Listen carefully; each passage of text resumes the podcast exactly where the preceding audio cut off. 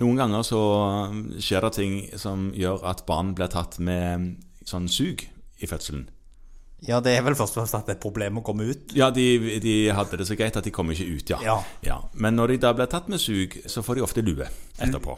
De Ja. får lue. Ja, fordi at de ser jo ut som Jeg vet ikke om du husker filmen Conehead? Jo, jo. Jo. Jo. Så, for de får litt den formen på Ja, hodet. altså I utgangspunktet så er jo litt den formen man får av å bli trøkt gjennom et sånn trangt rør Ja. med en fleksibel skalle. Ja, man, Man, man, man, man gjør det. Og Ja. så blir det ekstra poengtert når man i tillegg får en sugekopp på toppen der. Ja, for den drar jo alltid en retning. Ja, Ja. Så, så det blir et, et gedigent sugemerke. Ja. Eh, Men dette går heldigvis tilbake. Ja. Men allikevel så hender det etter noen måneder at eh, far eller mor kommer med barn og sier at eh, jeg syns at eh, eh, denne hodeformen eh, tar av i en feil retning, at den er litt sånn rar. Og kanskje ikke noen måneder, men kanskje seinere enn det òg. På et eller annet tidspunkt i alle fall, så kommer de og forteller at eh, jeg syns hodet ser underlig ut. Enten skeivt, eller for langt, eller for bredt, eller for spisst, eller et eller annet. Har du noen gang da sagt til deg at nå ligger ungen for mye på den ene siden? Det har jeg nevnt, ja. Ja. Og så har jeg bedt de om å snu, sånn at eh, hodet Altså at ungen må snu hodet andre veien for å se på det som ungen syns er interessant. Ja. Eh, fordi at de er flate på den ene siden fordi de har lagt hele veien og sett til høyre. Ja. og så gjør de det, så kommer de tilbake etter et par måneder og sier de at det hjalp. Nå, Ja. nå, er det, nå er det riktig igjen. Ja. Men noen ganger så skjer ikke det. Det Nei. blir ikke bra. Det blir bare skeivere og skeivere. Ja, det ser iallfall verre og verre ut, da. Ja, hva gjør du da?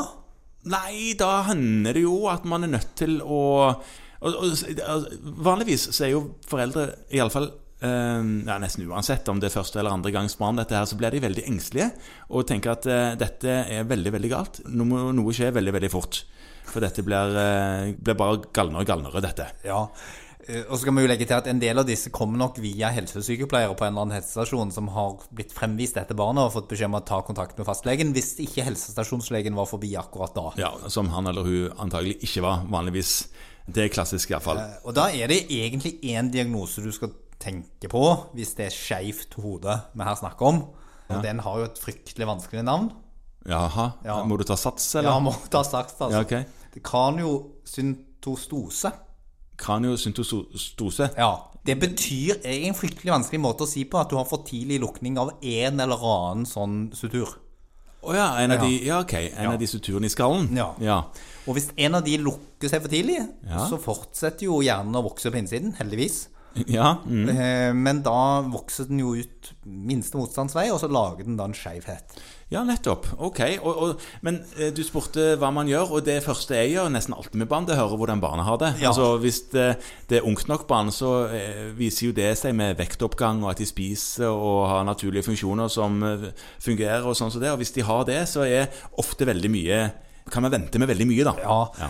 Eh, Og nå kom det nettopp en nyttig presisering her på Sør-Vestlandet, som jeg sitter i for det meste. Ja. Som der barneavdelingen nå, nå går ut og sier det at eh, husk nå på disse barna at hvis dere skal henvise de, så henvis de til oss, altså til barneavdelingen, hvis dere tror dere er avvikende hodeform, at det skyldes noe sånn som at noen ting har begynt å lukke seg for tidlig, og ikke henvis de til røntgen. Nei, ok, Så, fordi det er jo det første man kanskje ville tenkt, at her må man jo få tatt bilde av dette. Ja. Men det er altså en voksen som skal ta stilling til det, en, or- Ja. en organspesialist. Fordi at For det første så kan du gjøre det med mm, helt andre ting, altså en klinisk undersøkelse og kanskje en ultralyd. Ja. Mm. Eh, og så skal man jo ikke drive på å røntgenstråle små umodne hjerner mer enn strengt tatt nødvendig. Nei, det er et poeng. Altså Det kan godt være en barnelege som bestemmer det. Ja, Det fins andre måter å gjøre det på. nettopp. Eh, og så presiserer de også at hvis, dette er hvis hodet er skeivt, mm, fått en avvikende form, eh, som ikke du tenker at det er bare at det har ligget litt skeivt. Og så er det sånn at hvis hodet er blitt stort, det har vi lært litt om. At hodet er blitt stort? Ja, Ja. Det er vokst mer enn barnet. Ja. Så er det sånn at hvis da barnet ikke har trykksymptomer, ja. Mm, altså, trykksymptomer, at de ikke trives, eller at de ikke spiser sånn som det skal, gå opp i vekt, eller at de kanskje er kleine og dårlige og ikke vil bevege seg sånn som de vil. vil få vanligvis. mm, allmennnevrologiske symptomer. Ja. Da bør du, hvis du har noe av det, så skal du ta kontakt med en voksen. Mhm. Men hvis de ikke har det, så kan det være aktuelt å henvise til en ultralyd. Jeg tenker at i utgangspunktet så gjør man lite galt hvis barnet har kryssa opp et par persentiler på hodeomkrets. selv om det har det aldri så greit, Mm.